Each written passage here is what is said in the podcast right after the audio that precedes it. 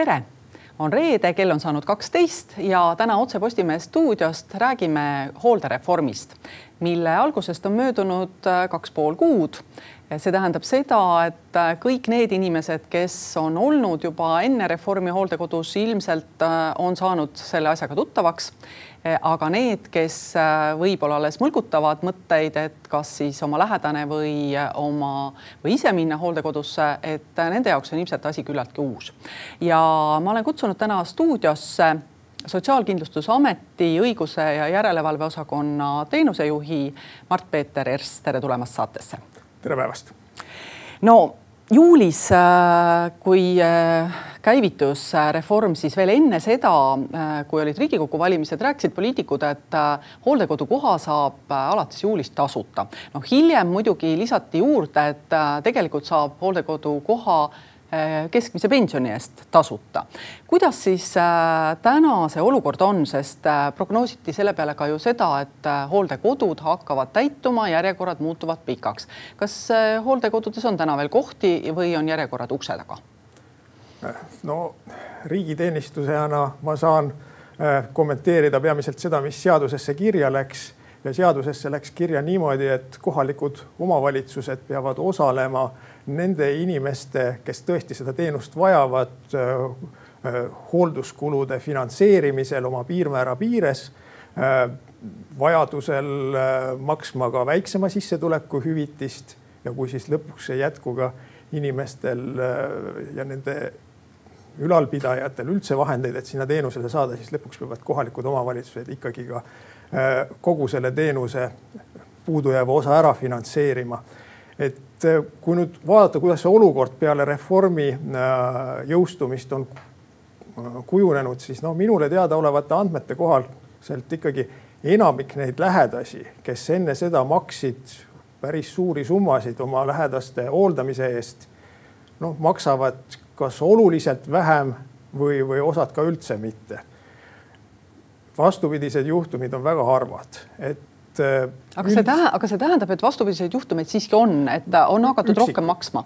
üksikud on, aga kuidas, siin on väga-väga sellised äh, noh, sellised juhtumid, kus näiteks mingil omavalitsusel on üsna väike piirmäär kehtestatud, omavalitsused saavad äh, kehtestada piirmäärasid nendele hoolduskulude tasumisele. Ja sellistes kohtades, kui veel on ka seal kohalikus hooldekodus no selline suhteliselt suurem hinnatõus tekkinud, siis võib juhtuda, aga need on tõesti harvad. enamik lähedasi maksab oluliselt vähem ja on äh, selle olukorraga üsna rahul, seda ma võin küll kinnitada mm. -hmm. Te ütlesite, et maksab oluliselt vähem, kas see tähendab ikkagi, et äh, midagi peab ikkagi maksma, et päris äh, nagu pensioni eest hooldekodu kohta ei saa? no ütleme mingid sellised näited, kui maksti enne seitsesada eurot, nüüd makstakse sada eurot kuus, no ma arvan, et see on ikka väga oluline äh, leevendus, seitsesada, ka kakssada näiteks selliseid on noh, ma ütleksin, et paljudel kadus see maksekohustus üldse ära, aga kui see maksekodukohustus jäi, siis pigem on nagu sinnakanti need summad. kuidas selle täituvusega siis ikka on, tuleme nende järjekordade juurde. täituvusega on niimoodi, et jah, ütleme järjekorrad hooldekodudesse on pikenenud. samas selle teenuse iseloom on selline, et mitte kunagi ei ole praktiliselt sajaprotsendiline täituvus süsteemis võimalik sest noh, kujutame ette, et kui nüüd keegi siin ühel ööl siin ilmast lahkub, siis järgmisel ööl seda voodit keegi sinna täitma ei tule enam. et ikkagi see hooldekodusse minek on juba selle eaka inimese jaoks ja selle perekonna jaoks suhteliselt selline raske ja noh, suur ettevõtmine ja sinna jääb paratamatult mingisugused vahed. kohalikel omavalitsustel siiski on nüüd ütleme selliste mm, juhtumite jaoks, kus on seda kohta vaja nüüd väga akuutselt ja kiiresti, sellised juhtumid võivad tekkida. et siis on olemas, kas siis oma hooldekodudes või mõningate hooldekodudega kokkulepped, et, et lõpuks ikkagi noh, paigutatakse ära, aga jah, need ooteajad nendele eh, inimestele, kelle nüüd vajadus nii väga akuutne ei ole, need on pikenenud ja, ja, ja seda tuleb küll tunnistada. Äh, kuidas nende järjekordadega siis ikkagi edasi minna, et kui me mõtleme ühtepidi sellele, et, äh, et nad seisavad, need inimesed seisavad ju järjekorras sellepärast, et noh, tõepoolest ei ole vabu kohti, noh, me ei räägi sellest, kas igas voodis äh, lebab keegi, vaid, vaid tõepoolest, et kellelegi võib-olla hoitakse seda paari kohta just nimelt nendeks erakorralisteks olukordadeks. aga, aga kas on nii, et hooldekodusid äkki ehitatakse juba juurde, on teil selle kohta andmeid? ja selle kohta ütleme niimoodi ka noh, ütleme hoolekandeteenustes on selliseid erapakkujaid juba tekkinud päris palju ehm, erafirmasid, ütleme aktsiaseltse ja nad põhimõtteliselt näevad võimalust, et siin turgu on ja, ja ma tean, et päris mitmed on neist ka oma plaane Sotsiaalkindlustusameti ja ministeeriumiga jaganud, tuleb juurde. Tuleb juurde, no kus te arvate, et kus piirkonnas nüüd, äh, kas siis on kohe varsti midagi juurde tulemas, no mina näiteks tean, et Tartu valda ehitatakse äh, ühte hooldekodu, aga, aga on neid veel? on tulemas ka siia Tallinna lähedusse, on äh, Lõuna-Eestisse. no las need teenusepakkujad oma plaane avavad ise sel hetkel, kui nad õigeks peavad, lõppude lõpuks see on ju nende äritegevus ja, ja eks sellega käib kogu see lansseerimine ja kõik muu see tegevus, las nad teevad seda ise. ja mõista, mõistetav. E, nüüd äh, kuidas tundub, kas ka mõned äh, kohalikud omavalitsused on äkki hakanud mõtlema, et äh, et see hooldekoduteenus peaks olema paremini nende juures kättesaadav ja nad ise plaanivad hooldekodusid või pigem ikkagi täna on erategijad need, kes uusi maju ehitavad? no ma ütleksin, et turul siiski juba domineerivad erategijad ja, ja, ja ma tean, et mõned isegi omavalitsused peavad plaane, et võib-olla üldse eh, erastada praegusel hetkel nende eh, käesolevad hooldekodud. et ikkagi lõpuks eh, me liigume aina lähemale turureeglitele selle teenuse juures. juba praegu me võime öelda, et see teenus allub turureeglitele, nõudmise ja pakkumise vahekorrale. ja kui me räägime nendest järjekorrast, siis järge, järjekordadest, siis üks oluline teema, mis neid järjekordi võiks vähendada ja milleks peaks olema kohalikel omavalitsustel ka motivatsioon, on see, et tuleb arendada kodus elamist võimalikult kaua toetavaid teenuseid, koduteenust ja neid vahendeid, mida riik seoses hooldereformiga omavalitsustele on eraldanud ja eraldab, neid võib kasutada ka sellel otstarbel, et näiteks oma koduteenust kuidagi parandada, äh, mahtu suurendada, samuti näiteks on tulemas veel täiendavaid meetmeid. Äh, selline asi nagu teenusmajade meede, mille summaks, konkursside summaks on kakskümmend kolm koma neli miljonit no mitu maja, mitu maja te arvate või mitu kohta selle eest huvitav saab selle kahekümne kolme miljoni eest no,? oleneb, kui suuri maju ehitada. no aga mõttes... mis te arvate, no mitu, mitu? No eks seal on oma finantseerimise võimalused olemas ja, aga ma arvan, et ikkagi sadu.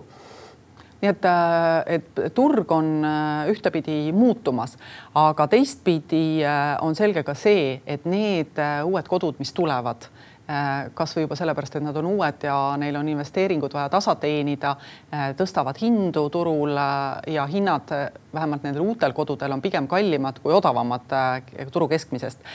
mis te arvate, miks siis, miks siis, kas see ongi see põhjus, miks need hinnad niimoodi kõiguvad? ma vaatasin ka neid teie tabeleid, mis on toodud Sotsiaalkindlustusameti veebilehel, seal oli tõesti kohatasud ulatusid ühelt poolt no kõige kergematel juhtudel peaaegu kahe tuhande euroni ja, ja teiselt poolt olid nad alla tuhande, kaheksasada viiskümmend eurot oli ka. et, et miks nad niimoodi kõiguvad, tõesti üle kahekordne vahe? no eks see oleneb väga palju eh, kõigepealt teenuse kvaliteedist, samuti mugavusastmest ja muidugi, mis on ka oluline, on no, hooldusvajadus, mis sellele inimesele, kes konkreetsele teenusele läheb, selle madalama hinnaklassi teenustega ilmselt ei saa hooldatud väga kõrge hooldusvajadusega inimesi. et need on nagu sellist kolm peamist tegurit. aga kui nüüd siin rääkida sellest eh, hinnatõusust, siis noh, hinnatõus tegelikult on olnud kogu Eestis eh, päris, päris kiire. ütleme, see üldhooldusteenuse hinnatõus on küll tõesti nüüd kandunud sellesse aastasse ja ilmselt ka seotud selle reformiga, et noh, tekkisid inimestel ju lisavõimalused maksta. Aga kui me võrdleme andmeid, siis alates kahe tuhande kahekümne esimese aasta algusest kuni selle aasta keskpaigani on üldine inflatsioon olnud umbes või no ütleme, elu. kallinemine. jah, see elukalliduse tõus kolmkümmend kuus protsenti, samal ajal on see üldhooldusteenus kallinenud kusagil nelikümmend neli protsenti. nii et ta on küll natukene kiirem olnud kui see üldine inflatsioon, aga äh, ei saa öelda, et see üldine inflatsioon poleks seda mõjutanud. et kindlasti on see noh, kui me vaatame nagu numbreid ise, siis võib-olla päris suur tõus, aga siin tuleb vaadata ka konteksti. ja muidugi, mis me loodame, on ikkagi see, et äh, tõuseb ka kvaliteet tõusevad nende hooldustöötajate palgad, kes senimaani tunnistame, on saanud ikka üsna väikeseid ja kohati nutuseid lausa töötasusid selle raske töö eest, mis ei ole päris nii, et igaüks tänavalt võib tulla, siin on oma kvalifikatsiooninõuded olemas, mida tuleb täita. Ja muidugi see pühendumus, et seda tööd hästi teha, peab olema suur arusaadav, aga nüüd, ähm, kui me vaatame, kuidas on reageerinud ähm, siis kohalikud omavalitsused, siis äh, natuke tuli juttu juba nendest piirhindadest, mida omavalitsus võib seada siis hooldekodu kulude eest maksmiseks äh, hooldekodutasu puhul äh, ehk siis see osa, mille kohalik omavalitsus kindlasti peab seaduse järgi maksma ja ka need summad tõepoolest erinevad väga suuresti. et kui me vaatame näiteks Tartut või Tallinnat, see on võiks öelda isegi tugevalt üle seitsmesaja euro kuus. Ja, ja samas, kui me vaatame näiteks Saaremaad või Maardut, siis seal on nelisada eurot kuus, et eh, kas te olete täheldanud ka juba, et eh, no sellised nutikamad inimesed on alati olemas ühiskonnas, et, eh, et keegi laps, kel, kes elab Tartus või Tallinnas, kirjutab oma ema või isa sisse siis nendesse omavalitsustesse, mis siis, et et ema on, on juba või oli juba enne hooldekodus ja, ja lihtsalt läbi selle võidab ka raha? no ega see ei ole uus Eesti sotsiaalhoolekandes, olles ise olnud pikaajaliselt Tallinna ühe linnaosa sotsiaaljuht. Ehm, ma võin kinnitada, et jah, eks toimunud on seda ju ka varemgi ja, ja küllap toimub ka praegu. Aga muidugi, eks see, et osadel omavalitsustel on kinnitatud üsna madalad eh, hüvitamise piirmäärad on problemaatiline. muidugi neid hooldereformi vahendeid jagati omavalitsuste vahel mitte selle järgi, kui palju inimestel on hooldekodudes inimesi või kui palju valdadel on hooldekodudes inimesi, vaid selle järgi, kui palju valdades elab eakaid inimesi. Tegemist ei ole äh, üldhooldusteenuse reformiga, vaid hooldereformiga. siin on ikka arvestatud seda ka, et äh, võib-olla sellest finantseerimisest läheks osa äh, kodus hooldamist toetavateks teenusteks. Ja siis tekkiski seal noh, mõningane selline dissonants, et osadel omavalitsustel oli anomaalselt palju inimesi üldhooldusteenusel ja no me põhi... mäletame seda Räpina ja Kanepi valda, kus oli ikka tõsised ja. probleemid. jah, et ütleme selles rahastamisvalemis ma tean, et ministeeriumid võib-olla püüavad järgmiseks aastaks seda äh, olukorda natukene arvesse võtta, aga põhimõtteliselt peaks ikkagi ka sellesse rahastamisskeemi olema see motivatsioon sisse kirjutatud, et ei ole vaja äh, inimesi nii palju suunata üldhooldusteenusele.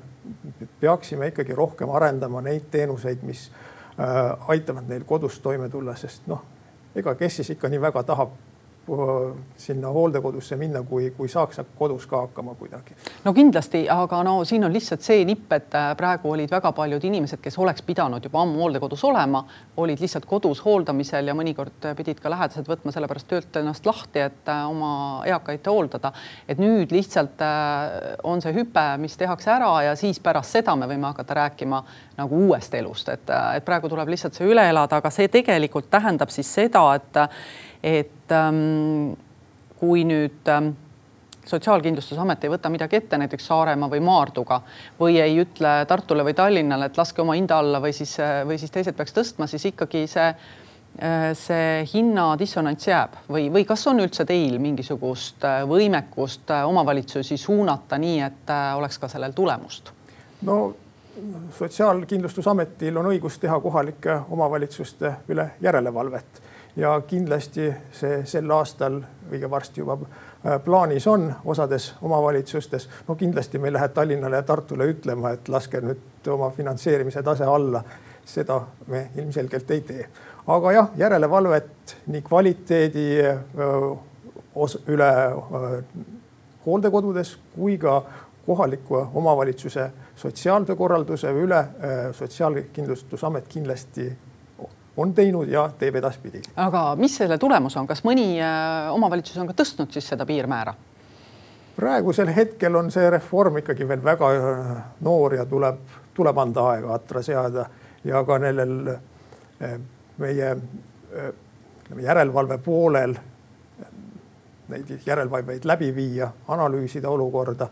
See võtab natukene aega praegu. E, samas, kui me vaatame järgmisesse aastasse, siis äh, on ju ministeerium juba välja öelnud selle, et umbes neljandiku võrra äh, annab riik äh, järgmisel aastal omavalitsustele vähem raha hooldereformi, kuidas ma ütlen siis toetuseks, kui me võtame nagu kuude lõikes keskmise kuu, eks ole, see summa keskmise kuu lõikes väheneb sellepärast, et et öeldakse, et siis peaks juba omavalitsused olema valmis, aga, aga kuivõrd see nüüd võib ikkagi mõjutada, et omavalitsused ähm, hakkavad hoopis neid piirhindu ka mujal vähendama, sellepärast et nad lihtsalt ei tule omadega muidu välja selle rahaga.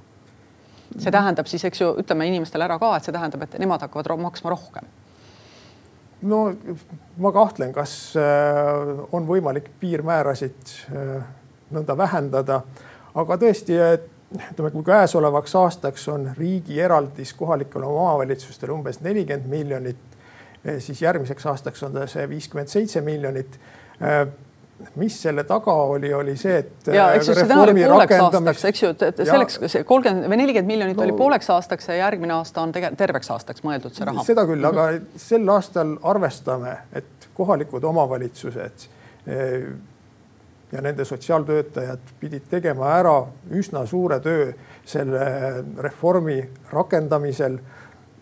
ma tean, et isegi võeti selleks lisatööjõudu juurde äh, osades omavalitsustes ja selle reformi rakendamisega kaasnevaid kulusid äh, planeeritigi suuremana, noh, kas saab siis ka omavalitsus näiteks midagi seal oma koduteenuse pool äh, parandada või, või, või muude selliste teenustega, mis seda äh, üldhooldusteenuse vajadust nagu vähendaksid. selleks oligi käivitamiseks ette nähtud mõnevõrra suurem summa no ühtepidi arusaadav, aga no ega siis need ähm, äh, sotsiaaltöötajad, kes tööle võeti, ega need ei maksnud kakskümmend miljonit eurot, et, et pigem ikkagi tegelikult, kui me oleme ausad, siis me saame öelda, et äh, järgmisel aastal on omavalitsustel küll veidi vähem kulusid äh, sellesama hindamisega, aga tegelikult saavad nad vähem raha. Ja küsimus on, kust nad võtavad selle puuduoleva raha, sest tõesti, nagu te ütlesite, hinnad pigem lähevad kallimaks, mitte ei lähe odavamaks seda küll, et hinnad ilmselt tõusevad, aga no see on ikkagi, et stardikulud ei ole ainult palgarahad, siin ikkagi võis teha selle eest kuni inve-, kuni ka investeerimiseni välja. et äh, see. Teie olete optimist, et ma arvan, et, et kohalikud omavalitsused noh, eks, eks ta järgmine aasta näha ole, aga ma arvan, et nad saavad selle tasemega hakkama, eks nad on ju ka praegu nende piirhindade äh, kehtestamisel näinud natukene ette ka seda tulevat olukorda. ega siis ei noh, planeer-, kohalike omavalitsuste planeerimine ei ole ju ainult pool aastat no loodame. seda summat ka järgmiseks. ja võib-olla siis tõepoolest Saaremaa mõtleski selle peale, et järgmine aasta ka ära elada ja, ja Tallinnal ja Tartul võib-olla on siis äh, nagu rohkem äh, vahendeid no.. eelarved on suuremad no ma olen lugenud vastust, mida Saaremaa meie järelpärimisele äh, vastas ja nii, nii. nad täpselt vastasidki, et, et nende hinnangul nagu võib tekkida järgmises aastas äh, noh, muidu puudujääk, kui nad nagu kõrgemalt piirmäära rakendaksid, aga noh, eks saab näha. kuulge, kas teie olete hooldekoduteenuse kvaliteediga praegu rahul, sest äh, mina tean, et paljud inimesed ei ole, vähemalt on nad nii kurtnud. no ütleme, üks osa nendest kurtmistest tihtipeale on natukene ühe skeemi järgi, et inimesed külastavad oma lähedasi hooldekodudes suhteliselt harva ja siis, kui nad jälle paljude kuude pärast lähevad, siis on olukord inimesel halvenenud, aga noh, eks see on ju selline teenus, kus tegelikult ikkagi nagu väga palju paremaks ei lähe, et ikkagi ta on elu lõpu teenus ja üldiselt inimesed ju lahkuvad maailmast, siit maailmast sellel teenusel olles e,. muidugi jah, on tõesti kahetsusväärseid juhtumeid, mille puhul ka siin meie järelevalve on sekkunud ja, ja põhiline probleem, mis ka meie järelevalvete juures nagu tuuakse välja, on see, et hooldekodude juhid ei ole õigesti hinnanud seda äh, töötajate hulka, äh, kes hooldustöötajate arvu, kes neil peaks tööl olema selleks, et kvaliteetselt need hooldustoimingud kõik ära teha, mis on vaja teha. ja muidugi teistpidi me saame aru, et seal on võib-olla ka raha ja maksevõime küsimused olnud, aga me loodame just selles valdkonnas nüüd äh, noh, ütleme suurt arenguhüpet, sest kolme aasta pärast hakkavad kehtima mm, minimaalsed nõudeid, nõuded, kui palju peab olema äh, hooldustöötajaid ehk mitu klienti tohib olla ühe hooldustöötaja kohta. see on siis kaksteist. kaksteist päevasel ajal ja öisel ajal kolmkümmend kuus. paljudes hoolekandeasutustes see praegusel hetkel nii ei ole. ja kui see saab nii olema, ma arvan, et see ikkagi toob kaasa olulise kvaliteedi tõusu aga me ei saa üldistada, ka praegu on meil väga hea kvaliteediga teenuseid ja on väga palju väga häid hooldajaid, kes teevad hingega oma tööd ja tihtipeale nendel klientidel on nagu nende suhtes noh, täiesti selline kiindumussuhe. Mõni vaatab nagu oma tütrekest juba muidugi ütleme, hooldaja poolt ei ole väga äh, professionaalne ennast päris nagu tütre rolli sättida, et seda küll, et aga, aga need tegelikult väga tihti ollakse ka väga rahul. no eks see, see, kuidas ma ütlen, see rolli määratlus on ikka selle inimese silmades ehk et äh, hooldaja ei pea tütrena käituma, tema võib käituda ju professionaalina edasi, aga, aga lahke ja sõbraliku ja viisakana ja, ja, ja teise inimväärikust austavana, aga, aga siiski ähm, Mm, äh, lisaks siis sellele, et, äh, et kui töötajaid tuleb juurde võtta, siis äh, noh, see kahtlemata jälle tõlgime inimestele, see tähendab hinnatõusu, see tähendab ikkagi seda, et, et jällegi on nüüd teatud pinged õhus, et kes siis selle, selle kinni maksab. aga miks üleüldse need kvaliteedinõuded hakkavad kehtima alles kolme aasta pärast, sest hooldekoduteenus on meil ju aastakümneid vana no ei ole päevapealt võimalik juurde võtta umbes tuhandet hooldajat. ei no mitte päevapealt, aga no aga... kümme aastat tagasi olid ka hooldekodud nojah, eks, eks me olime, eks me olime vaesed. tunnistan, et eh, noh, mina olen olnud sotsiaalhoolekandes tööl no umbes nii kakskümmend neli aastat, varsti kakskümmend viis ja ma ei ole veel näinud nii suurt reformi, et korraga oleks tulnud nii suur hulk raha sotsiaalhoolekandesse. see on ikkagi väga pika mõjuga ja väga oluline reform, mis on tulnud nüüd praegusel hetkel meil käsil ja, ja ma arvan, et et, et see läheb läht-, hästi ja annab väga hea tõuke ikkagi kogu selle teenuse kättesaadavuse paranemisesse ja kvaliteedi paranemisesse ma usun ka ja selleks on näiteks e, vähemalt avalike andmete järgi väga palju ära teinud e, õiguskantsleri büroo, kui vaadata kõiki neid järelevalveakte, mis on nende kodulehel vabalt saadaval ja lugeda neid, siis, siis tegelikult muidugi lisaks töötajate Äh, kroonilisele puudusele on seal ka märksa selliseid, äh, kuidas ma ütlen, natukene nagu lihtsamini lahendatavaid äh, probleeme, kui nendega tegeleda, no näiteks seesama, et, et äh, kuidas äh, töötajad kellessegi suhtuvad või et, et kas, kas olealuseid lukustatakse, ei lukustata, antakse neile ravimeid, mida arst ei ole määranud või ei anta. et sellised on suhteliselt igapäevased seal aktides, aga, aga mida ma tahtsin küsida selle kohta, on see, et kui õiguskantsleri järelevalveaktid on kõik avalikud, siis miks Sotsiaalkindlustusameti omad ei ole? et seal on avalikke akte ka, aga on muidugi jah, osad aktid on piiratud ligipääsuga sellepärast, et nad sisaldavad isikuandmeid ja ka delikaatseid isikuandmeid, et aga neid ja. saab ju, kuidas ma ütlen, ära kustutada, et, et põhimõtteliselt. osade puhul, kui, see... kui sinna minna otsima seal selle värava Otsima. kaudu, mis sul on, siis, siis leiab üles võib-olla lihtsalt. Mina ei osanud otsida. jah, võib ka see juhtuda okei okay., eh, aga põhimõtteliselt äh, mind näiteks oleks see väga aidanud, kui mul oleks praegu vaja hooldekodu valida, siis ma kindlasti loeksin neid akte ja, ja teeksin selle põhjal oma valikuid, sellepärast et no näiteks eelmise aasta kohta oli õiguskantsleri büroo käinud kolmes hooldekodus, kahjuks üks nendest hooldekodudest enam praeguseks üldhooldusteenust ei osuta, aga kaks, kaks osutuvad. Ja kui mul oleks valida ainult nende kahe vahel, siis mina oleks kindlasti teadnud, millise ma esimesena sihikule võtaksin, et ähm, kui palju üldse tegelikult jõuate teie teha aastas äh, järelevalveid, sellepärast et noh, me võtame lihtsalt äh, sellesama õiguskantsleri büroo, kui teha aastas kolm järelevalvet, siis kulub ju tegelikult inimpõlv, et äh, käia läbi kõik hooldekodud. tõsi, jah, on käidud varem natuke rohkem, aga ikkagi paarkümmend aastat läheks aega ja, ja mis motiveeriks nüüd ikkagi seda hooldekodu pidajat, kes ei ole väga huvitatud, et tema kvaliteet Äh, tõuseks, no vähemalt mitte enne kahe tuhande kahekümne kuuendat aastat, äh, kui siis on mingid uued nõuded, et, et ta tõesti seda teeks, et, äh, et kas teie järelevalvet peaks kartma või, või, või te käite ka sama harva?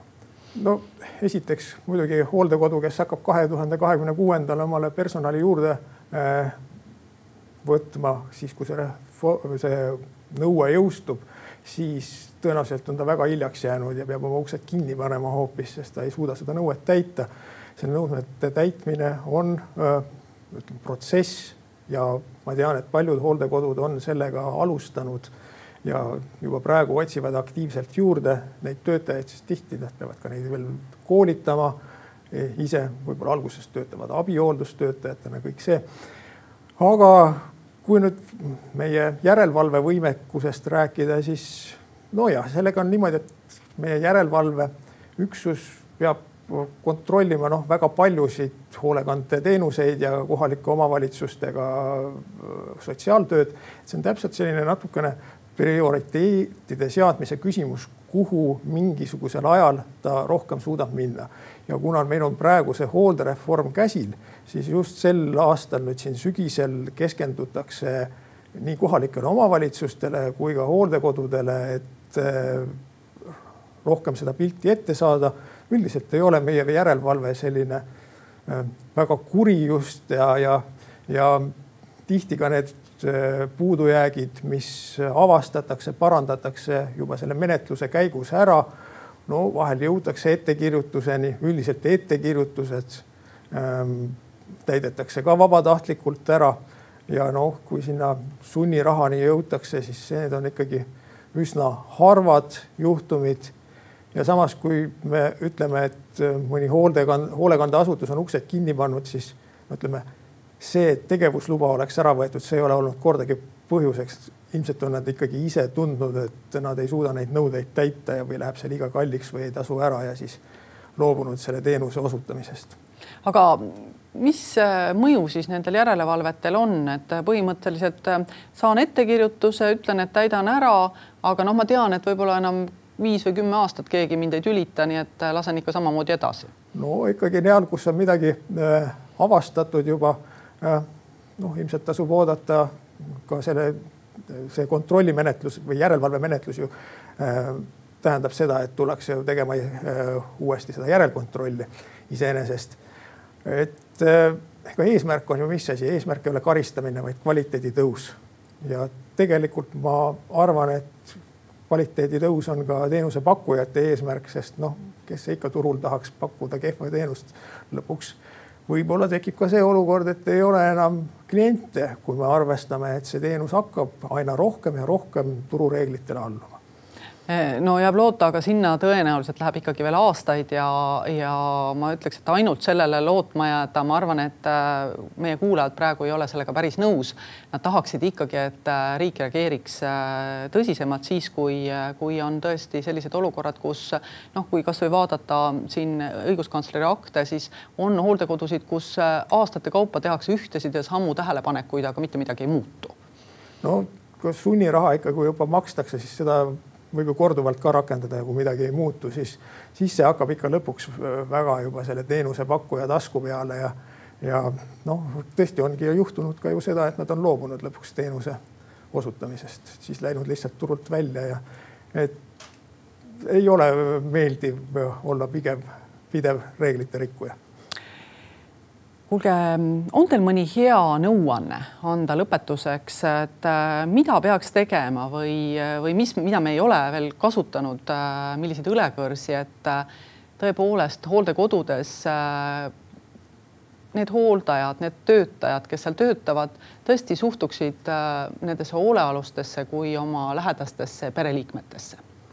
no ma arvan, et üks osa, mis seda tööga rahulolu ikkagi hakkab tõstma nendele hooldajatele on ikkagi see palgatõus, mis, mida kinnitavad tegelikult kõik hoolekandeasutuste juhid praegusel hetkel, et äh, need palgad on hakanud tõusma ja äh, kui on ikka rahulolev töötaja ise ka ja ta töökoormus on mõistlik, seesama klientide norm, mis hakkab kehtima, ju nad ikka lõpuks peaksid sinnamaale viima, et ka need suhted paranevad ja tegelikult ma kinnitan, et ka praegu meil on väga palju neid töötajaid, kellega kliendid on väga rahul ja, ja ka lähedased on rahul ja nad teevad väga head tööd ma usun ja loodan ka, et neid inimesi siis tuleks juurde, aga me kodanikena peame siis aru saama, et äh, rahakott tuleb valmis panna, kui me tahame paremat teenust. aga suur aitäh saatesse tulemast täna, Mart-Peeter Ers ja loodame, et äh, Sotsiaalkindlustusamet äh, ikkagi suudab need suuremad hinnatõusud äh, inimeste jaoks ära hoida? no loodame parimat, sest reformist see reform ei ole äh, ühe päeva küsimus ega poole aasta küsimus, need pikaajalised mõjud ilmnevad tegelikult aastate pärast ja, ja ka siin turul saavad toimuma muutused ikkagi ka aastate jooksul. Et see võib pöörduda nii ja teistpidi, aga ma lood, olen optimistlik, ma arvan, et seoses selle reformiga meil vähemasti see üldhooldusteenus nüüd hakkab jõudma kahekümne esimesse sajandisse. et selles osas äh, ma olen väga optimistlik. suur aitäh tulemast ja aitäh kuulamast. Äh, kena nädalavahetus on ilmselt ees, minge õue, nautige elu ja lugege uusi uudiseid äh, Postimehe veebilehelt. kõike head teile. head päeva. thank you